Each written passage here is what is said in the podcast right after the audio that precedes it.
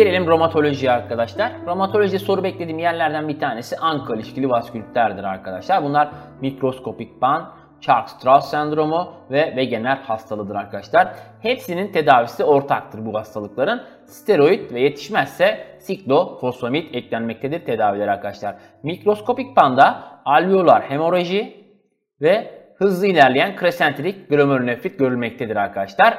Ve tanısında biyopsiyle yapılmakta. Tüm vaskülitlerde olduğu gibi tanısında P-ANKA e, antikorunun pozitifliği ve özellikle mikroskopik panda biyopside granulomların olmaması önemlidir arkadaşlar. Yine Charles-Strauss sendromunda da alerji, astım, Löfler'in pneumonisi dediğimiz eozinofik bir yapı vardır arkadaşlar. Yine mononüritis multiplex'e neden olan en sık vaskülittir. Charles-Strauss sendromu dikkat edelim. Ve yine bu hastalarda da tıpkı mikroskopik panda olduğu gibi peyanka vardır.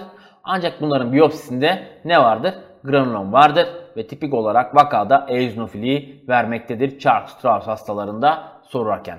Yine Wegener hastalığı özellikle hem üst hem de alt solunum sistemini tutan tek vaskülittir.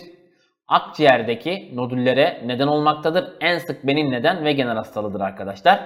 Ve yine bu da tip 3 e, hızlı RPGN dediğimiz hızlı ilerleyen glomerulonefrite neden olmaktadır. Tıpkı mikroskopik pan gibi arkadaşlar. Buradaki e, antikorumuz C-ANKA.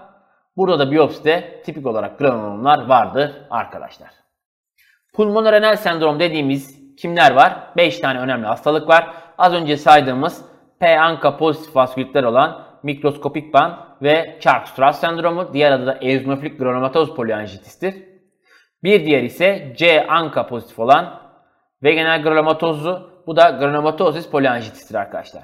Ve yine Goodpasture sendromu antibazal membran antikorlarının varlığıyla karakterize bir hastalık.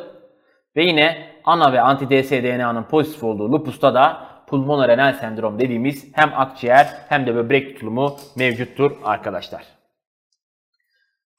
Romatolojide aftoz ülserler de önemli vaka yaptırır arkadaşlar. Dikkat edelim. Özellikle Behçet hastalığında olduğunu herkes biliyor. Yine lupus hastalarında, Wegener hastalarında ve yine sero negatif artritler dediğimiz ankilozan spondilis, reaktif artrit e, veya Reiter sendromu da olarak denmekte. Ankilozan spondilit, reaktif artrit ve psoriatik artritte de aftoz ülserler görülebilmektedir arkadaşlar. Dikkat edelim. Lupus da önemli. Daha önce soru olarak gelmedi. Yan dalda sordular. Daha bizde sormadılar. Lupus tedavisinde, tedavisinde kullanılan B lenfosit stimülatörüne Blaze dediğimiz B lenfosit stimülatörüne karşı geliştirilmiş antikor kimdir? Belimumab'dır arkadaşlar. Belimumab soru değeri, soru potansiyeli olan bir yerdir. Dikkat edelim. Romatoid artrit tedavisi de her zaman soru değeri taşıyan bir yer. Özellikle burada e, hastalık modifiye edici ve e, hastalığı e, stabile edici e, önemli e, biyolojik ajanlar mevcuttur arkadaşlar. Hastalığı modifiye eden biyolojik ajanlar kimlerdir? Anti-TNF antikorlardır arkadaşlar. Anti-TNF ilaçlardır. Özellikle bunlarda ne riski vardır? Tüberkülozun reaktivasyon riski vardır arkadaşlar. Yine latent tüberküloz taraması özellikle PPD testi yapılarak yapılmalı ve e, riskli hastalara ne yapılmaktaydı? Göğüs hastalıklarında tüberküloz dersimizde de anlatmıştık. İzoniyazit profilaksisi başlanmalıdır bu ilaçlar başlanmadan önce.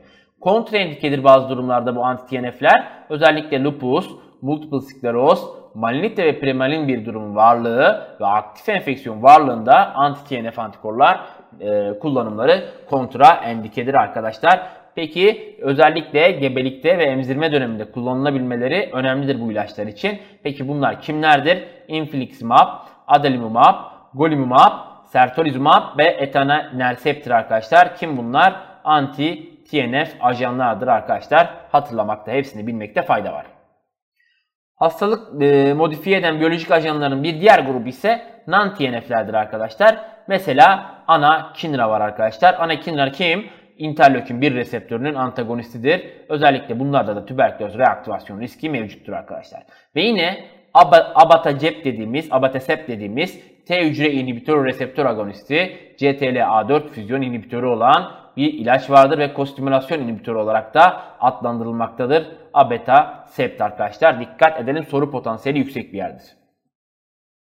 Bir diğer e, kullanılan anti-TNF ise TNF dışı e, antikorsa rituximab'dır arkadaşlar. B hücrelerinin üzerindeki CD20 antikoruna e, karşı geliştirilmiş bir e, antikordur. Özellikle bu hastalarda da HBV reaktivasyon riski ve progresif multifokal lökoensefalit dediğimiz JC virüse bağlı olarak ortaya çıkan PMLE'nin riski artmaktadır rituximab kullanan hastalarda. Yine tocilizumab interleukin 6 antagonistidir arkadaşlar. TUS'ta nasıl olarak geldi? Divertikül perforasyonuna neden olabilmesi Yudus'ta soru olarak geldi arkadaşlar. TUS'ta da soru olarak gelmeyi beklemektedir tocilizumabın. Yine hiperlipidemi riski de mevcuttur. Özellikle bir diğer önemli ilaç tofacitinib dediğimiz oral JAK1-3 inhibitörüdür arkadaşlar.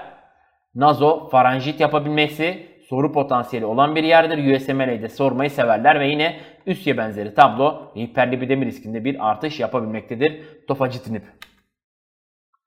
Ankilozan spondilit bir de buradaki önemli ekstraartiküler bulgular önemli. Ankilozan spondilitte görülen hepsi A ile başlıyor. Dikkat edelim. En sık görülen en sık görülen e, asemptomatik ankilozan spondilitteki en sık görülen ekstraartiküler bulgu asemptomatik enterik mukoza inflamasyondur arkadaşlar. Dikkat edelim. En sık görülen semptomatik bulgu ise anterior üveittir.